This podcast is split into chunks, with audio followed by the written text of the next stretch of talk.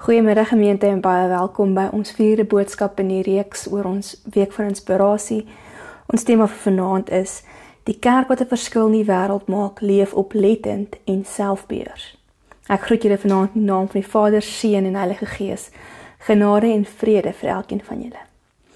Dit is vir ons vanaand ook heerlik om amptelik die nuus te breek as jy dalk gisteraand net die die boodskap van president geluister het nie. Is die Here kerk mag weer oopmaak. So vanaf Sondag is ons eredienste weer fisies aan die gang ook. Ons het plek vir 50 mense in die kerkgebou en ook 50 mense in die saal waar die diens dan nou elektronies ook of ja, elektronies uitgesaai word maar op dieselfde presies dieselfde tyd as wat die kerk diens aan die gang is. So julle is welkom om kerk toe te kom. Ons sal na die erediens dan weer die elektroniese boodskap aan die res van die gemeente ook stuur. So ons gaan vanaand saam lees uit Jakobus 1 vanaf vers 19 tot 21. Ons het dit al gelees die vorige keer. Ons sluit weer daarby aan vanaand, asook Jakobus 3 en 'n vers uit Jakobus 5 vers 12 uit. So voor ons saam lees, kom ons sluit die oë en bid ons saam. Dankie Here vir die voorreg om vanaand hier te kan wees en te weet U sorg vir U kerk. Dankie Here dat U ons lei en dat U ons help om U kinders te word te verskil in hierdie wêreld maak. Ja Here, waar ons gisteraand gepraat het van hoe ons moet doeners wees, hoe ons moet begin om daadwerklik 'n verskil te maak. Kom vra ons Here dat U ons sal help. Ons vra Here dat U ons sal help om nie uiterlik te oordeel nie soos ook gehoor het. Dat U ons sal vorm en en maak soos U ons wil hê. En so ook wanneer ons vanaand gaan saam lees, Here, en ons besef ons praat oor ons woorde, is dit iets waarmee ons baie sukkel. En daarom Heilige Gees, kom vra ons dat U vir ons sy help en aanraak en die krag en die selfbeheersing sal gee om te doen wat U wil hê ons moet doen. Ons vra dit in U naam Jesus. Amen. So ons lees saam Jakobus 1 vanaf vers 19 tot 21 weer uit die 2020 vertaling. Let op my geliefde broers, elke mens moet flink wees om te luister, stadig om te praat, stadig om kwaad te word, want die woede van 'n mens bewerkstellig nie geregtigheid vir God nie. Daarom moet julle in sagmoedigheid afstand doen van alle morele besoedeling en die ongebreideelde, so nou die ander gesê het onbeheerste kwaad. Dan sal julle die woord wat in julle geplant is daartoe in staat wees om julle lewens te red ontvang. Ons lees ook hoofstuk 3. Moenie almal leermeesters wil wees nie, my broers, omdat julle weet dat ons strenger geoordeel sal word. Almal van ons struikel tog dikwels. As iemand nie met wo woorde struikel nie, is hy 'n volmaakte man en ook daartoe in staat om sy hele liggaam aan toom te hou. Ons het stange in perde se bekke sodat hulle ons gehoorsaam en daarmee stuur ons hulle hele liggaam. Kyk, selfs skepe word terwyl hulle groot is en deur ewige winde aangedryf word met 'n baie klein roer gestuur na waar die stuurman wil. So is die tong ook 'n klein ledemaat wat op groot dinge roem. Kyk wat 'n klein vuurtjie steek 'n groot klomp hout aan die brand. Die tong is ook 'n vuur in 'n wêreld van ongeregtigheid. Die tong is deel van ons ledemate, maar besoedel die hele liggaam. Dit steek die hele lewensloop aan die brand en word die Gehenna Gehenna aangesteek. Nou Gehenna wat verwys na die Himondal wat 'n plek van straf sou gewees het, net so 'n bietjie inligting daar. Vers 7. Want elke soort wilde dier en voël en kruipende dier en seedier eh, en word en is gestem deur die menslike natuur. Maar geen mens kan tong tem nie. Dit is 'n onbestendige kwaad vol dodelike gif. daarmee loof ons die Here en Vader en daarmee vervloek ons mense wat uit na die beeld van God geskep is. Uit dieselfde mond kom seën en vervloeking. Dit, my broers, behoort nie so te wees nie. 'n Fontein laat tog nie uit dieselfde oog vars en bitter water uitborrel nie. 'n Vye boom, my broers, kan tog nie olywe dra of 'n druiwestok vye nie. 'n brakfontein gee ook nie soet water nie. Wie onder julle is wys en verstandig? Laat hy deur goeie gedrag sy dade met sagmoedige wysheid toon. Maar as daar bittere afguns en selfsug in julle harte is, moet julle dan nie op wysheid beroem en teen die waarheid lieg nie. Dit is nie die wysheid wat van bo kom nie, maar is aards, nie geestelik en demonies. Want waar afguns en selfsug heers, kom wanorde en allerlei gemeene dade voor. Maar die wysheid van bo is in die eerste plek suiwer En verder is ook vredelievend, bedagsaam en skikkelik vol deernis en goeie vrugte, onpartydig en ongeveins. En die vrug van geregtigheid word gesaai vir hulle wat vrede maak. Ek lees dan ook vers 12 van hoofstuk 5. Bo alles my broers, moenie sweer nie, nie by die hemel nie en nie by die aarde nie en moet ook geen ander eed af lê nie. Maar laat julle ja 'n ja wees en julle nee 'n nee, sodat die oordeel julle nie tref nie. Ons lees nou tot daar. So al die gedeeltes wat ons vanaand gelees het, sê jy agterkom gaan oor hoe ons praat, oor ons woorde. Ons ken vandag se gedeelte veral hoofstuk 3 verskriklik goed en ons weet ook hoe waar dit is, die gevaar van die tong. Die gevaar van hoe ons met ons woorde kan doodmaak en mense kan vernietig. Daarom praat Jakobus so hard hieroor en hy beklemtoon hoe onver, hoe vernietigend 'n onbeheerste tong kan wees. In Jakobus 1 het ons al gehoor vroeër in die week dat ons twee keer moet luister en een keer moet praat, net soos ons spreekwoord ook sê, veral wanneer ons kwaad raak. En ek dink dit is nogal 'n belangrike punt om ook te sien. Want woede het 'n manier om ons vinnig te laat vergeet watter getuienis ons moet lewe. Dink maar net hoe praat ons as ons begin dink oor dienslewering. Dink maar net hoe praat ons wanneer iemand ons te nagekom het. Of as jy sien hoe iemand anders uitgebuit word of hoe mense net wetteloos leef of al hierdie goed wat ons so kwaad maak. Oomblik as ons hierdie goed sien gebeur, dan gaan ons in 'n in 'n woede modus in. Ek wil sê anger mode se Engels sê. En dit of alle gesonde verstand en gedagtes by die venster uitvlieg en ons begin met ons woorde vernietig en afbreek en net stikkend maak. Jakobus gebruik nogal in hoofstuk 1 en in hoofstuk 3 'n besonderse beeld. Hy sê as ons onbeheers kwaad word en praat, is dit asof ons die wêreld en om ons en die getuienis wat ons moet lewe besoedel. En eintlik is besoedeling nogal 'n beeld wat in ons dag en era vir ons baie beteken. Ek dink almal van ons weet presies wat dit beteken. Ons kan om ons ry in die strate en sien hoe lyk dit wanneer die vullis rond lê, wanneer die vullis so die die reënwater in die waterstelsels verstop dat alles oorstroom. Ons sien hoe lyk dit in die velde as ons op die paaie ry. Ons sien hoe lyk riviere van besoedeling.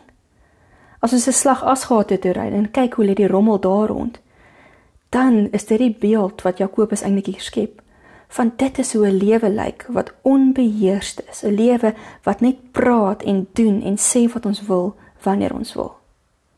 In Spreuke lees ons dat dit waarvan die hart vol is, loop die mond van oor. So wat ons sê, getuig eintlik wat in ons hart en gedagtes aangaan. En as ons onbeheerst gaan praat en net doen wat ons wil, dan gaan dit wys of ons lewe so vol besoedeling is en vol lelike dinge is wat in ons harte aangaan. Die Engelse, as Engelse uitdrukking wat ook nogal vir my mooi beskryf, hulle sê hulle praat van as iemand so onbeheers praat en net sê wat hulle wil, dan word vomit hulle. Hulle gooi met hulle woorde op.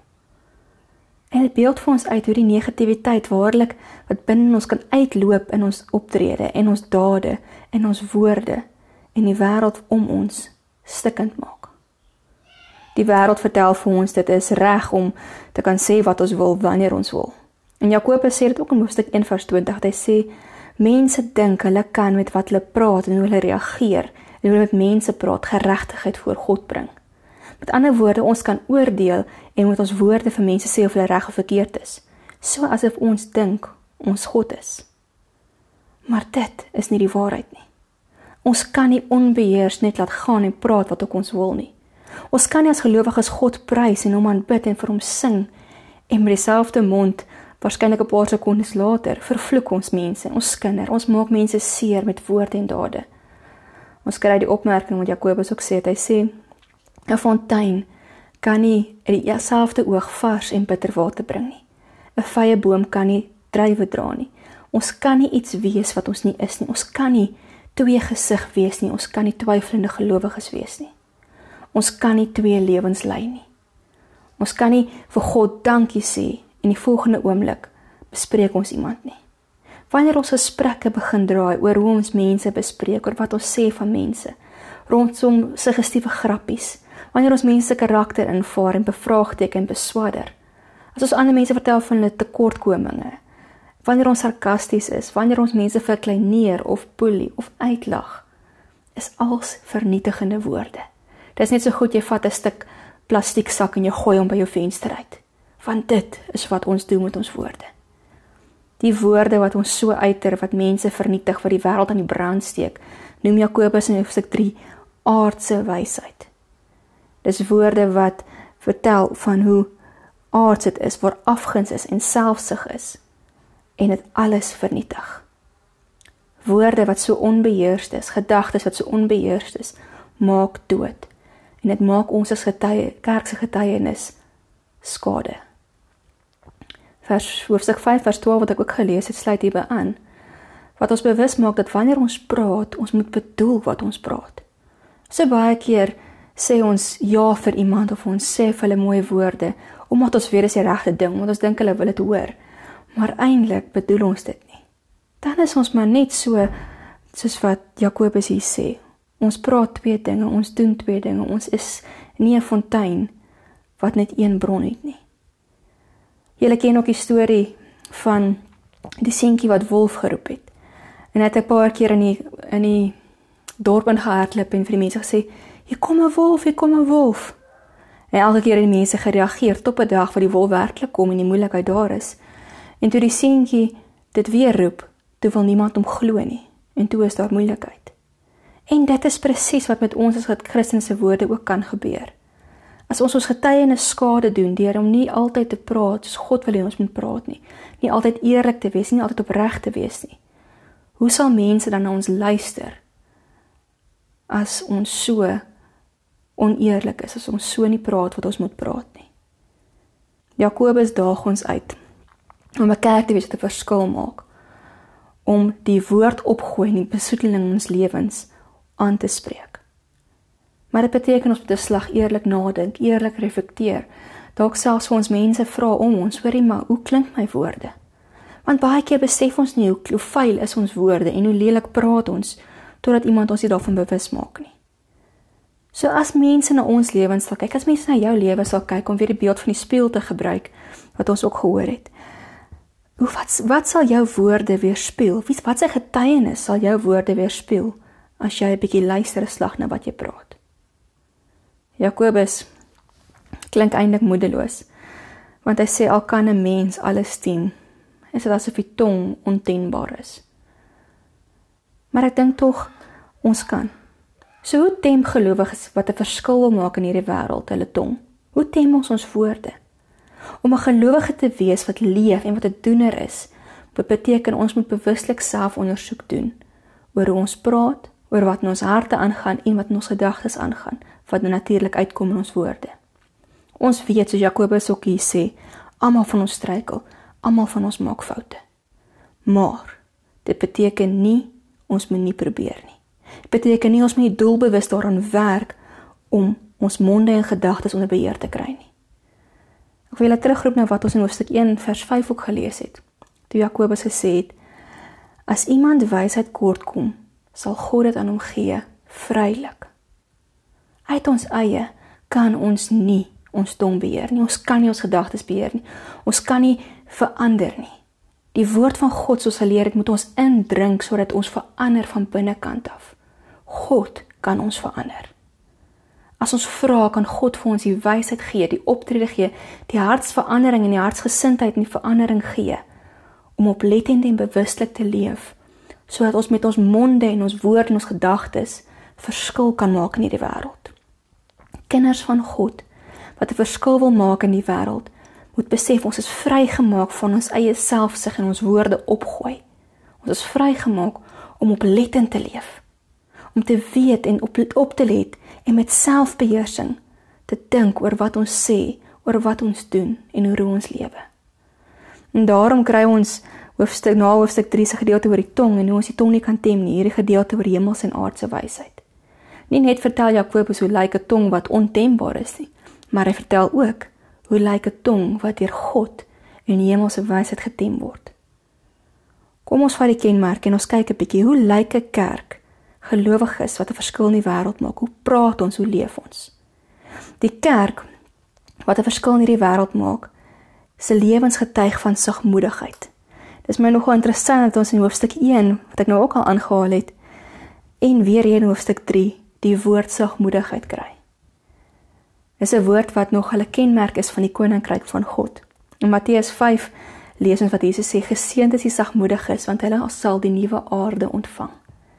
Sagmoedigheid is 'n kenmerk van mense wat deel is van hierdie nuwe aarde van God.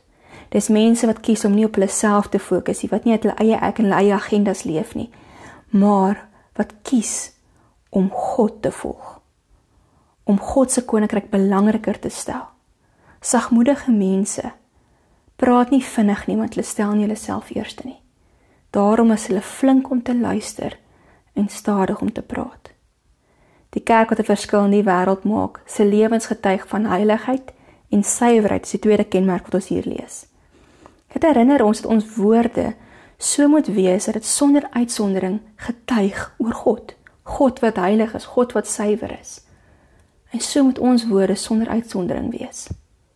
Die kerk wat 'n verskil maak in die wêreld, se lewens moet ook getuig van bedagsaamheid. Dit beteken dat wanneer ons praat, ons nie sal kwaad word van enige een en van enigiets sal praat nie. En ons sal nie net kwaad praat en skoor soek van almal nie. Maar ons met 'n gesagte gesindheid, met 'n oplettendheid vol genade na mense sal luister en hulle eerste sal stel.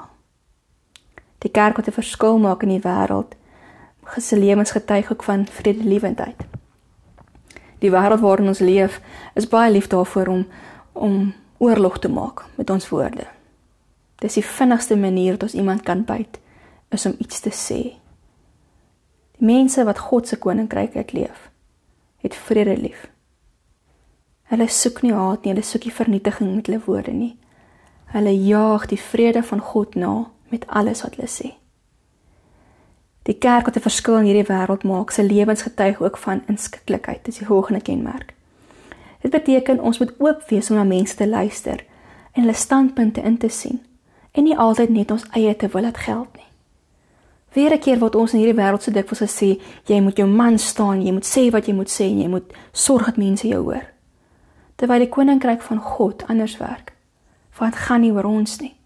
Dit gaan daaroor om om ander te hoor, om bereid te wees om in te sien wat in hulle lewens aangaan, wat hulle bedoel, sonder om kwaad te raak, sonder om op te, opstandig te raak. Liewer inskikkelik te luister en bereid te wees om jou om te verander ter wille van hulle, om te hoor wat hulle sê. Die kerk wat ook 'n verskil in hierdie wêreld wil maak, se lewens moet ook getuig van deernis. Dit beteken dat ons omgee en genade wys vir mense in nood. Dit sluit nogal baie aan by die gedeelte Sondag aand gehoor het oor hoe ons moet omgee vir mense wat in nood is in alle forme. So ons lewens moet getuig van hierdie omgee en hierdie deernis. Die kerk wat 'n verskil in hierdie wêreld wil maak, se lewens moet ook getuig van goeie vrugte. Nou natuurlik is hierdie goeie vrugte die gevolg van hoe God ons lewens verander. Dis hoe hy ons dade verander, hoe hy ons optrede verander. Ons is doeners van die woord, nie net hoorders nie. En ons lewens moet getuig daarvan. Die kerk wat 'n verskil in hierdie wêreld wil maak, se lewens moet ook getuig van onpartydigheid, lees ons hier. Ons moet aan mense kan luister sonder om 'n vooropgestelde idee te hê, sonder om te oordeel. Dit het ons ook nou al reeds gehoor. Ons moet kan sit en waarlik met 'n oop gemoed na mense luister en reageer ook met 'n oop gemoed. Die kerk wat 'n verskil in hierdie wêreld wil maak, se lewens moet ook getuig van ongefeinsheid. Dit beteken dat ons in alles eerlik, opreg en sonder pretensie moet wees. Dis hier wat ons in hoofstuk 5 vers 12 ook gelees het. Laat julle ja, julle ja, beslaat julle nee, julle nee wees. Moenie dat mense vir ons sê ons sê een ding op 'n plek en op 'n ander ding leef en sê ons iets anders nie. Ons moet eerlik en opreg wees in alles wat ons sê en doen. En dan die laaste kenmerk wat Jakobus hier uitlig, is hy sê die kerk wat 'n verskil maak in hierdie wêreld, se lewens getuig van vrede. Van daardeur word die vrug van God se geregtigheid in die wêreld versprei.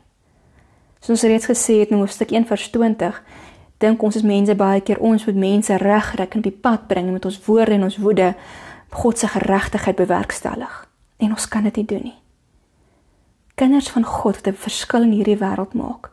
Lewe met mekaar in vrede, lewe met God in vrede.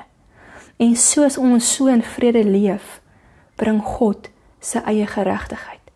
Want sy geregtigheid is een waar hy kom vrede maak het aan die kruis tussen ons en ons naaste en tussen ons en hom. Kinders wat van God wat 'n verskil in hierdie wêreld maak, se lewens getuig van hierdie vrede. as ons gelowiges wil wees wat in die wêreld om ons waarlike verskil wil maak, moet ons begin oplet hoe ons praat, hoe ons dink, wat ons doen. En ons moet toelaat dat God ons beheer. Ons moet inoefen, soos hier maraton voorbeeld ook. Ons moet inoefen om toe te laat dat die hemelse wysheid meer en meer deel word van ons lewe. Meer en meer kenmerke word van hoe ons praat en hoe ons leef teenoor die aardse wysheid. Ons kan nie as kerk van God toelaat dat ons gedagtes, ons harte, ons monde vir 1 sekonde mense besoedel nie en mense liefdeloos laat voel nie. Ons word geroep gemeente om ons tong te tem met goddelike wysheid en kenmerke. Kom ons kies hierdie vryheid want dit is vir ons gegee om ons gedagtes om ons monde onder God se beheer te plaas. As jou gedagte sê, kom ons plaas 'n wag voor ons mond en ons sorg dat dit wat uitkom waarlik opbouend vir God se koninkryk sal wees. Kom ons leef daadwerklik en bewuslik oplettend en ons praat wat God wil hê ons moet praat. So ons tuiswerk vir vanaand wat ek wil hê julle moet saam gesels is een vraag. Vertel vir mekaar in die huis hoe julle woorde lyk. Hoe jy dink jou woorde en optrede lyk vir mense. Meet 'n bietjie jou eie woorde en met jou optrede aan wat ons hier gelees het oor die hemels en die aardse wysheid. Watter spesifieke kenmerke dink jy is daar wat jy aan moet werk? Die opdrag wat jy moet gaan doen, het ek drie vir julle. Let 'n bietjie op môre. Spesifiek hoe jy met mense praat. En meet jouself. Hou die spieël op en kyk of mense met in jou woorde kan sien dat jy 'n kind van God is. Die tweede vraag 'n opdrag wat ek vir julle het is: As jy weet jy het iemand seer gemaak met jou woorde, jy het iets gesê wat lelik is, jy het iemand afgebreek, jy het iemand vernietig, gaan vra om verskoning. Die derde vraag is of opdrag is: gaan leef met die hemelse riglyne as jou hulpmiddel om jou woorde en gedagtes te beheer. Gaan dink 'n bietjie weer na oor al hierdie riglyne en gaan leef daarmee.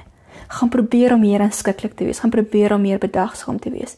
Gaan probeer om vrede te soek in plaas van oorlog gaan probeer om hierdie goed te leef. En dan vanaand wil ek hê julle moet twee gebede bid. Een gebed op julle eie en een vir mekaar. In die huis soos julle daar sit en julle klaar gesels, maak 'n tyd om te bid en vir die Here te bely dat daar tye is in jou lewe wat jy aardse wysheid in beheer is en dat jou tong geen geen tem op het nie. Vra vir hom om ook vir jou daarmee te help. En as jy klaar is met hierdie eie gebed, draai ek na mekaar toe en vra vir iemand in jou gesin of vra jou geloofsvriend of vriendin om vir jou spesifiek te bid. Dalk is daar iets, 'n spesifieke kenmerk waarmee jy sukkel of waarna jy smag of wat jy dink moet meer word in jou lewe. Bid vir mekaar vir daardie ding. En vra God om ons te help om waarlik getuies te wees in woord en daad van sy hemelse wysheid. Gebruik nou hierdie tydjie wat jy het en en wandel verder saam in die woord en bid saam. En mag julle almal 'n heerlike aand hê en lekker slaap. Ek sien van julle Sondag in die kerk en die res sal ons dan nou die boodskap later vooruitstuur. Mooi aand vir julle.